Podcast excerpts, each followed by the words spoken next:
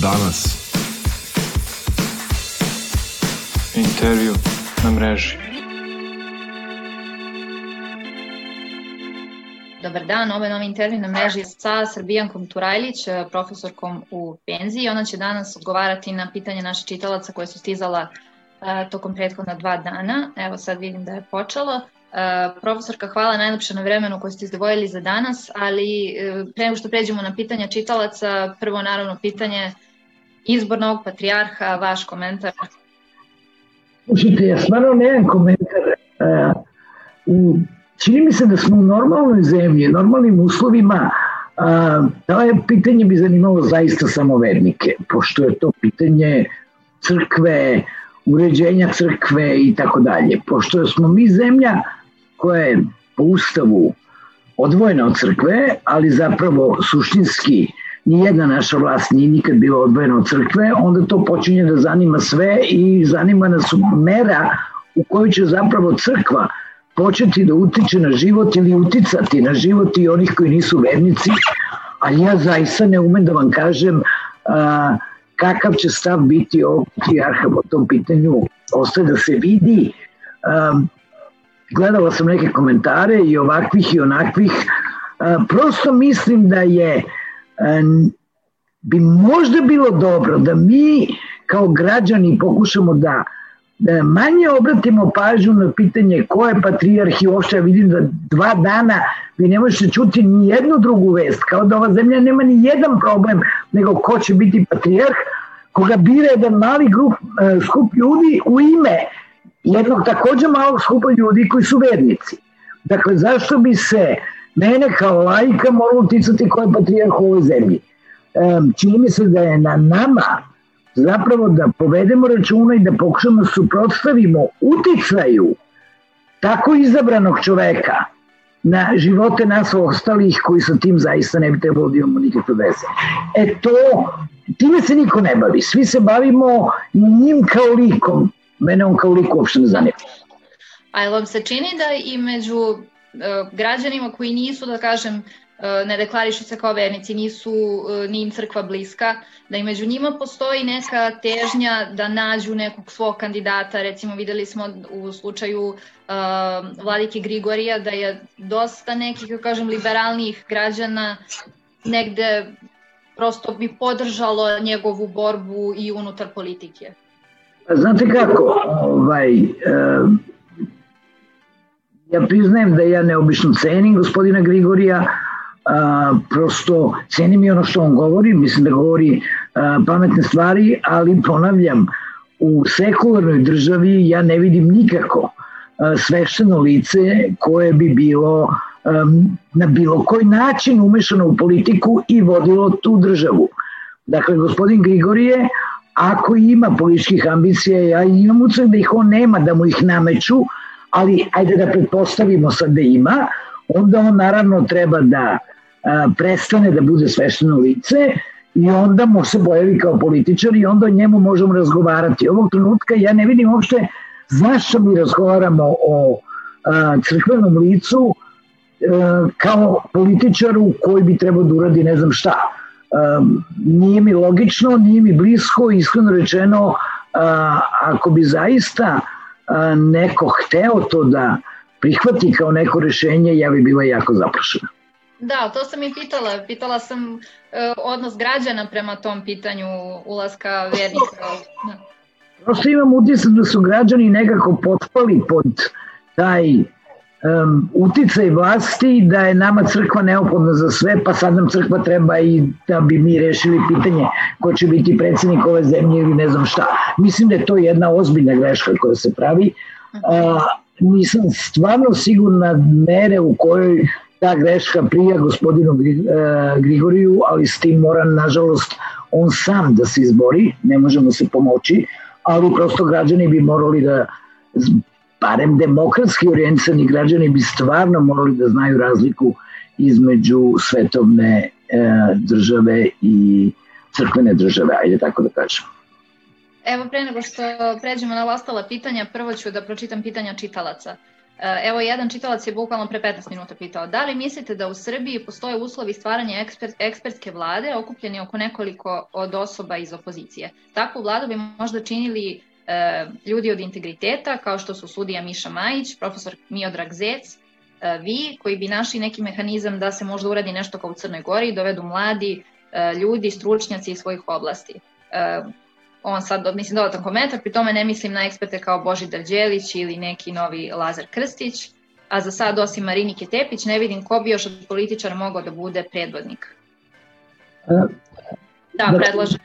Razumem, razumem pitanje. Moram da priznam, koliko sam ja, jedan, moje obrazovanje je inženjersko obrazovanje, tako nije političko. A, razgovarajući sa čitavim nizom ljudi koji naravno su ozbiljniji od mene obrazovani u toj oblasti, a, sam shvatila da zapravo a, je duboko uverenje da ekspertska vlada je nemoguć pojam. Da vladu čine političari, a ne eksperti. A, moje iskustvo a, rada u Ministarstvu prosvete na mestu pomoćnika ministra, na mestu gde sam se bavila krajnje konkretnim problemima o kojima sam zaista imala uh, dovoljno znanja da se s njima uhvatim u koštac i na bazi iskustva od 30 i više godine u visokom obrazovanju mi je pokazalo ipak da sam bila amater. Dakle, vi imate čitav niz stvari iz funkcionisanja sistema uh, političkog, administrativnog, koje vi koliko god bili dobronamerni, obrazovani u nekoj oblasti, ne znate i ne možete dobro da funkcionišete. I ja razumem to pitanje, ideja je našeg potpunog nepoverenja u političare, koje ja delim sa vašim uh, čitavcem, međutim, meni se zato čini da prosto uh, je rešenje u tome da se okrenemo ka onim ljudima koji do sad nisu bili na vlasti. A među vremenu su naravno sasali, jer ovo sve traje već jako dugo i da prosto a, pokušamo da poštujemo njihovo profesionalno znanje u oblasti politike i društvenih nauka generalno i da im pomognemo da oni možda nešto naprave od ove države. Dakle, ako bi nekome pitao koju ulogu vidim za sebe, šta ste rekli gospodina Zeca, a, ja zaista... Sulija Majić je možda već nešto drugo, on je negde mnogo bliže tom svetu e, i možda ako bi prestao da bude sudija i rešio se bavi politikom bi mogo nešto zbiljnije da uradi. Ovo ostalo meni se zapravo čini da mi možemo da prvo, ideja da bi to mogli da budemo mi je ideja i ja se na tome zahvaljujem da nismo korumpirani, zaista nismo, ali to nije dovoljno. Dakle, to što ste vi pošten, dobronameran i tako dalje, ne znači da vi umete da radite posao o kome nikad niste ni razmišljali.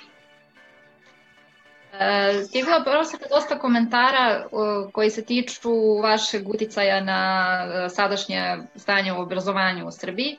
E, kritikuju vas da ste vi zaslužni za loše obrazovanje koje se dobija na fakultetima. Evo jedna čitateljka, ja ću sad se potruditi da pročitam sve što je e, ona studentkinja master studija e, na ETF-u, e, računarska tehnika i informatika je smer. E, njena majka je takođe završila ETF i kaže da je razlika između iskustva i znanja koje ona ponela sa fakulteta i njena majka da je razlika u tome drastična. Ovo su neki njeni utisci. Sve je manje kvalitetnog predavačkog kadra, sugeriše se da, da se uči sa interneta umesto iz knjiga, materijali se snimaju na prezentacijama, status, status studenta se sve više degradira, program nije menjan u 90-ih, samo se menjaju imena predmeta, što je posebno absurdno za smerove vezane za IT. Prošlo je 15 godina od uvođenja bolonskog sistema, gradivo i način ispitivanja skoro isti.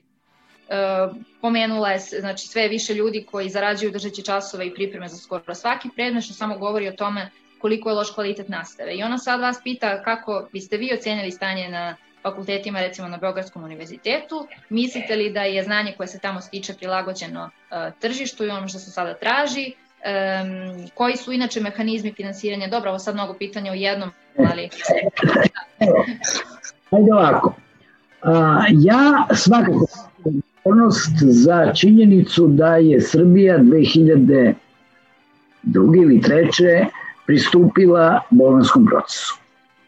A, ono za što ne snosim odgovornost i odbijam da snosim zapravo, je činjenica da bolonski proces onako kako je zamišljen i onako kako je formulisan u Srbiji nikada nije primenjen.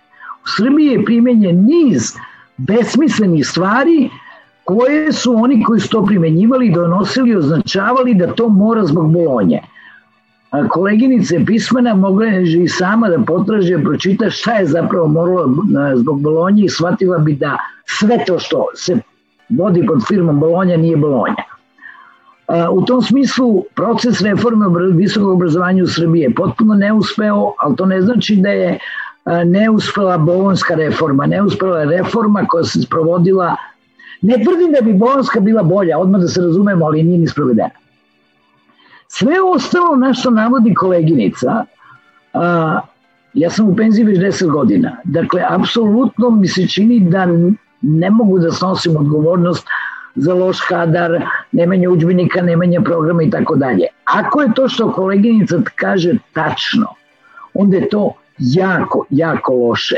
Programi moraju da se menjaju na godišnjem nivou, posebno u oblasti tehnike gde se stvari zaista razvijaju dramatičnom brzinom.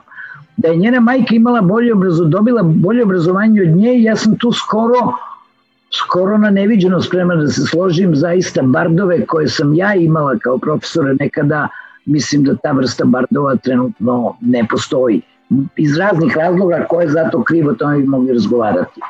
A, drugo, pa čak i među mojim kolegama, gotovo da nije bilo ljudi. Ogroman broj nas je, barem godinu, dve, proveo negde na nekom sabatikalu na nekom od svetskih univerziteta donoseći iskustva šta i kako možda se radi, ja nemam utisak od 90-ih na ovamo da je taj protok, barem na agrotehnici, toliko prisutan, a onda, a iskreno priznajem, evo polazim od sebe, verovala sam da imamo savršen sistem obrazovanja kad sam kao nastavnik otišla u Ameriku da, i bila profesor tamo dve godine. Onda sam shvatila da sistem možda bude drugačiji, nije nužno bolji, a da neke stvari koje mi radimo godinama na jedan način, prosto ne moraju tako da se rade da će sistem i dalje funkcioniše u nekim aspektima bolje, u nekima naravno gore. Dakle, mislim da je to iskustvo koje se donosi iz sveta užasno važno da vidite gde se vi nalazite, gde se drugi nalaze, šta su vaše prednosti, šta su vaše mane. I mislim zaista e, da prvo mislim da se visokim obrazovanjem u ovoj zemlji gotovo niko više ne bavi. Bavi se samo na nivou afera, što nije dobro.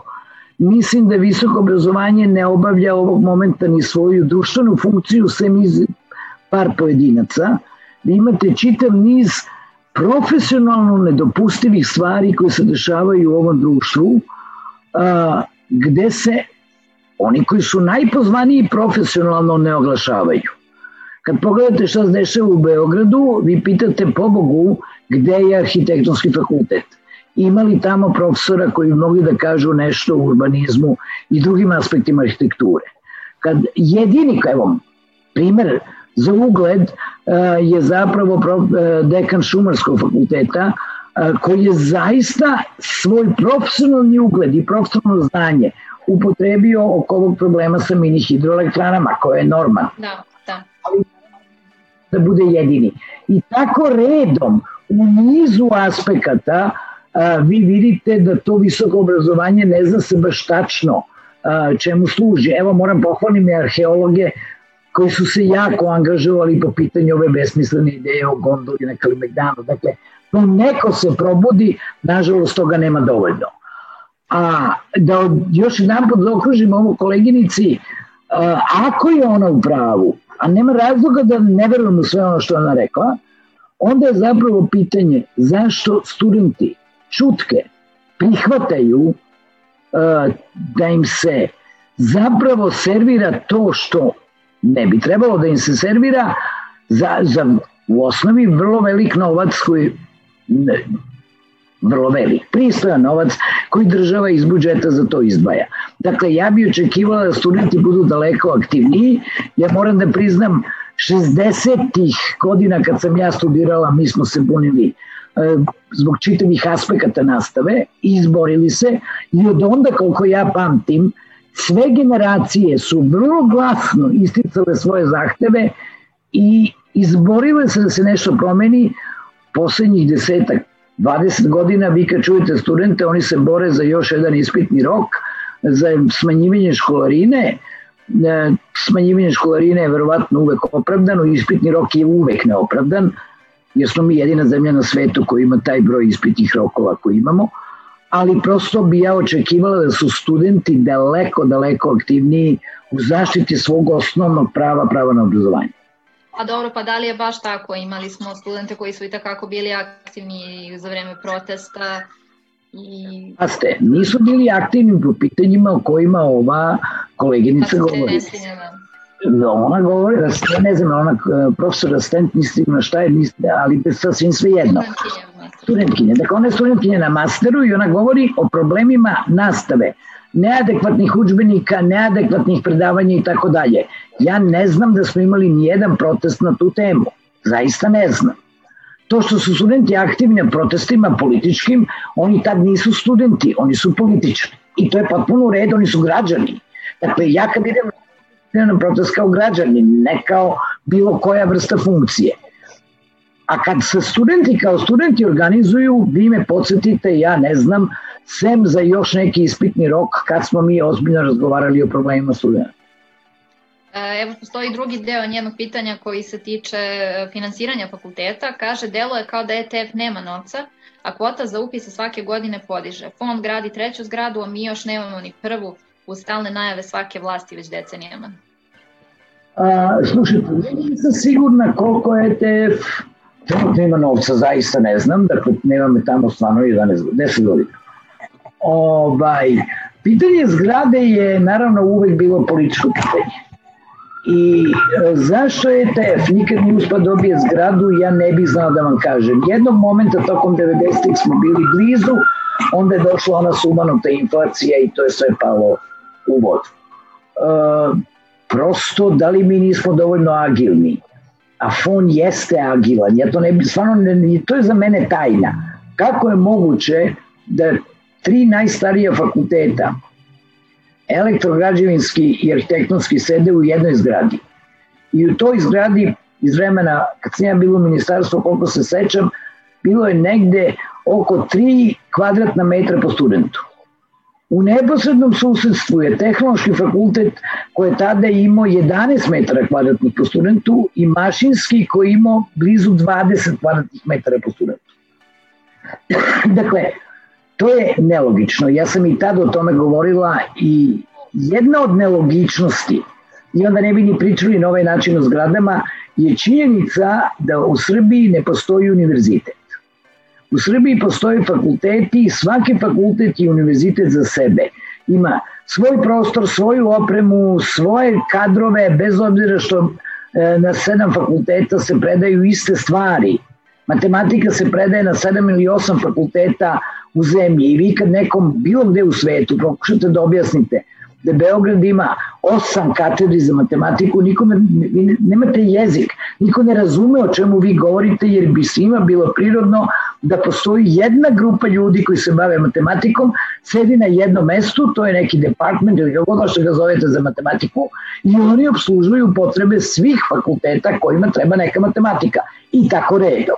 To važi za hemiju, važi za biologiju, važi za jezike, važi za milion za računare, naravno za milion stvari. E, ali nama se dopada da svako ima svoj mali feud u okviru koga može da radi šta hoće i kako hoće i da ga niko ništa ne pita. I dok se mi ne izborimo da napravimo univerzitet, mi neće, nećemo rešiti pitanje prostora, nećemo rešiti pitanje financija, nećemo rešiti pitanje racionalno korišćenja kadrova, dakle, ništa od toga ne može se reši. A hoće li, hoće li uspeti da se izbore za studentsku polikliniku? Jeste li ispratili tu vest? Ja se nadam da hoće. Evo vidim, ja sam naravno odmah potpisala peticiju, zaista mislim da je to strahovito važna i ozbiljna tekovina iz vremena ajde, davnog, to je već još u vreme kad sam ja... E, ja znam da je u vreme kad sam ja studirala to bila vrlo aktivna ustanova, prema tome možda je bila i radije i to je nešto što zaista mora da spreći po svaku cenu Ako sam dobro, nisam pažljivo pratila vesti, ali sam stekla utisak da je vlada već rekla da će da povuče taj predlog ili tako nije. Sim ja to dobro razumela, danas ste pratili vesti. Ne su mi se činilo da sam na vestima to čula, možda sam pogrešila, ali zaista mislim da se moramo izboriti da studentska poliklinika nastavi da funkcioniše. E, dobro, hvala. E, da, tela sam da vas pitam, e, pročitala sam ovaj intervju koji ste nedavno dali za danas i tu vas je naša novinarka pitala kako vam se čini proces vakcinacije, kako se odvija i vi ste tu rekli da je to sve deo političkog marketinga i da tako ne bi smelo da izgleda. Naveli ste i primer e, kada je bila epidemija variole vere, da tad maltene niste ni videli predsednika da je sve bilo prepušteno lekarima. Kako vam izgleda kako, kako mislite da će efekte ostaviti ovaj proces vakcinacije kojim su mnogi zadovoljni da li mislite da će to dodatno sad učvrstiti poziciju dakle, uh, SNS-a i utiče na položaj opozicije? Moram da vas dopunim. Ono što sve što sam naveli je tačno, to sam rekla, ali sam takođe rekla da je proces vakcinacije se meni tad mi je samo delovalo da funkcioniše veoma dobro. Sad, dobro, naravno, da. Sad, pošto sam prošla kroz prvu turu, moram vam priznati da sam fascinirana. Dakle, ja ne znam kako je to na drugim mestima u Srbiji, u Beogradu je to besprekorno do mere da kad izađete napolje vi stanete i zapitate se čekaj gde sam ja u stvari bila, da li je moguće da sam ja sve ovo doživjela u zemlji Srbiji. Dakle, zaista fantastično je dobro organizovano. Od portala je uprave do momenta kad izađete napolje. A, ono što bi možda moglo, i ja vidim da to stvara neke zabune, ono što bi možda moglo zaista i na portalu a, da se napiše koje vakcine zapravo a, su dostupne u nekom momentu i za koju uzrast. Evo ja priznajem da sam ja dosta dugo čekala, relativno kasno se vakcinisala, bilo mi je jasno da će biti malo Pfizerova, ali sam mislila da će biti dovoljno ruske.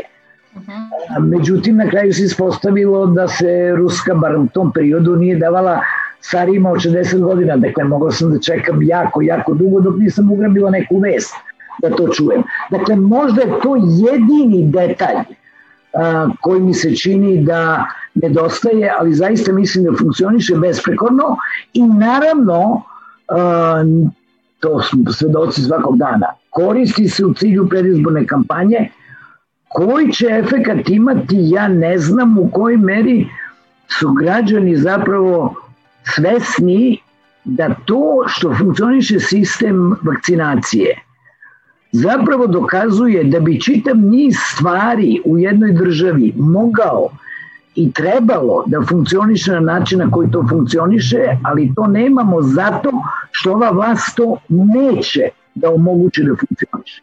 Dakle, to može da se shvati i pozitivno i negativno.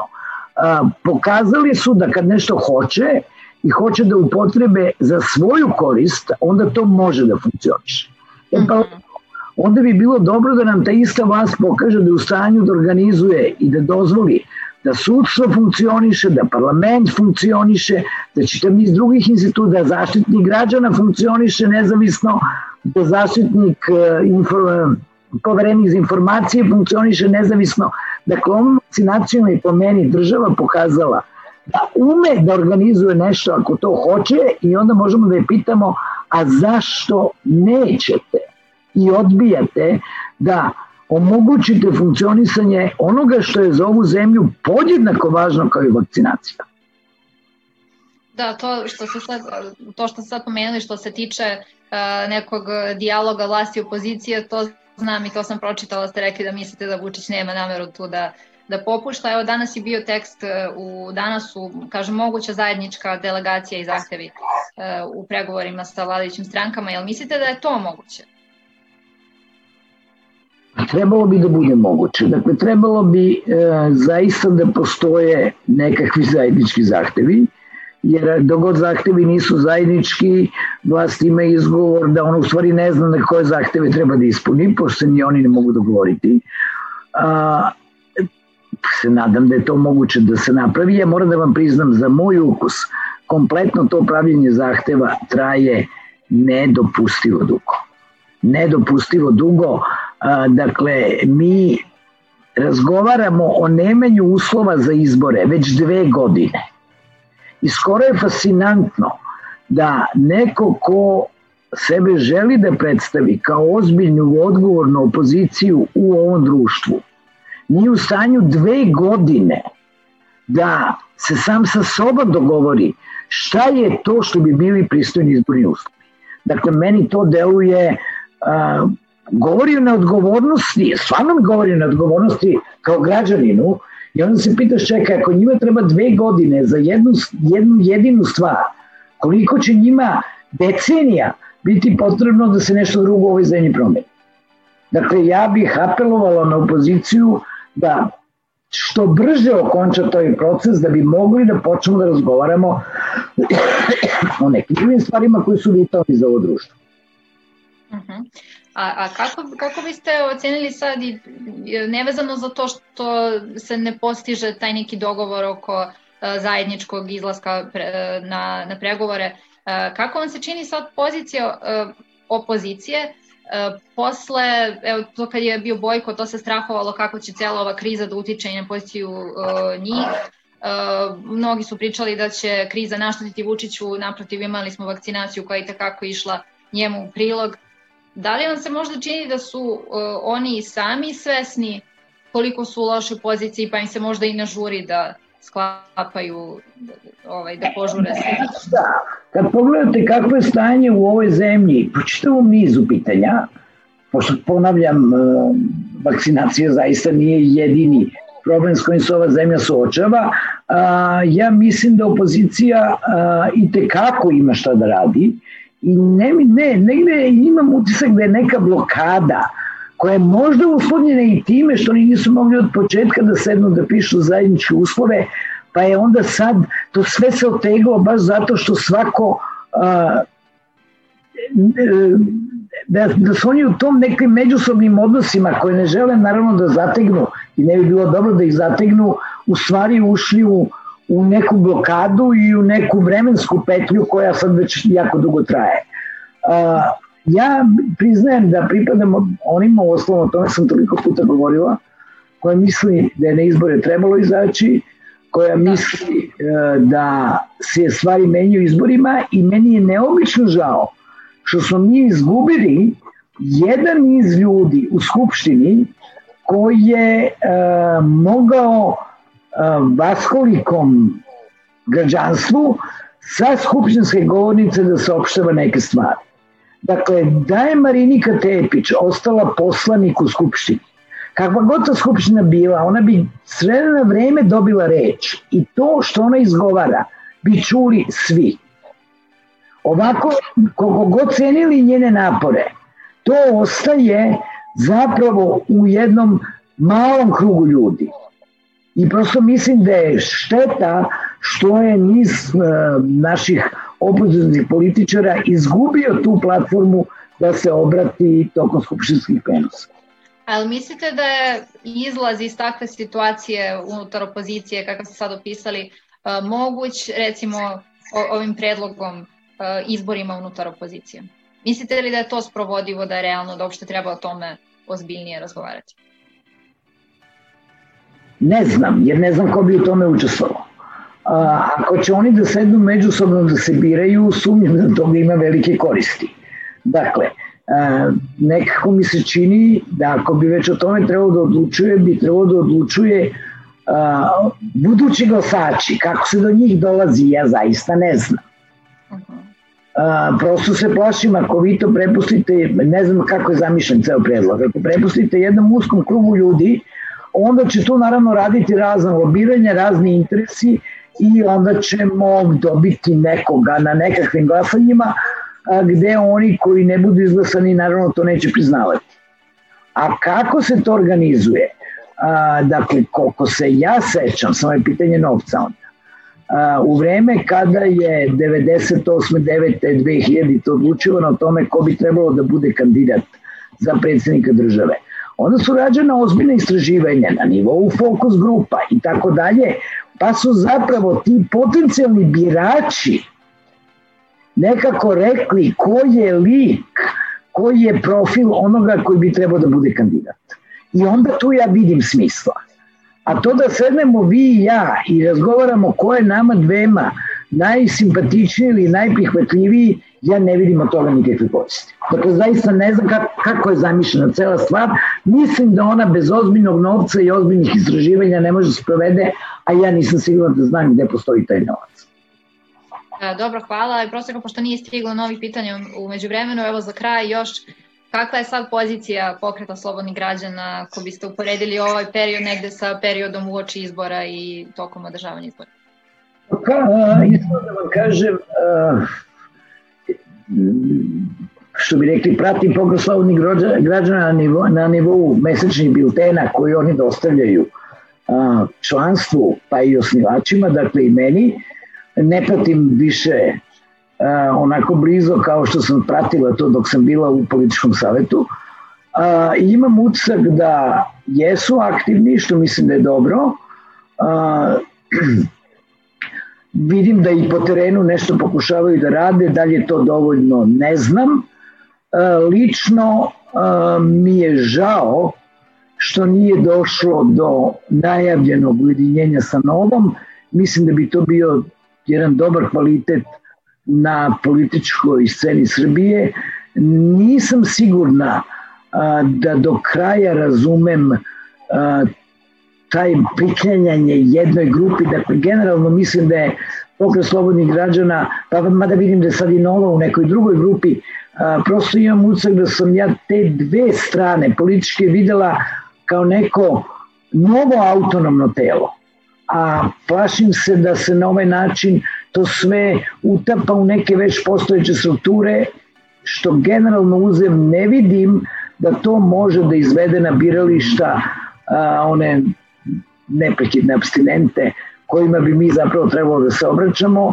U tom smislu, ako mogu da pohvalim, zaista mislim da je fascinantna aktivnost e, grupe Ne davimo Beograd u samom Beogradu, posebno na uh, rubnim opštinama Beograda koje po pravilu nije da. informisane uopšte. Dakle, mislim da bi drugi morali manje da se bave uslovima, mnogo više tom vrstom aktivnosti. E, hvala profesorka i hvala svima naravno koji su postavljali pitanja. Za kraj naravno ovaj formalni deo kupujte novine, kupujte danas, pretplatite se na PDF izdanje ukoliko nemate naviku da kupujete E, novine, postanite članovi kluba čitalaca danasa, tako nam pomažete. E, intervju sa profesorkom Srbijankom čitat ćete e, za vikend na portalu danas. Toliko, hvala profesorka i prijatno. Danas. Intervju na mreži.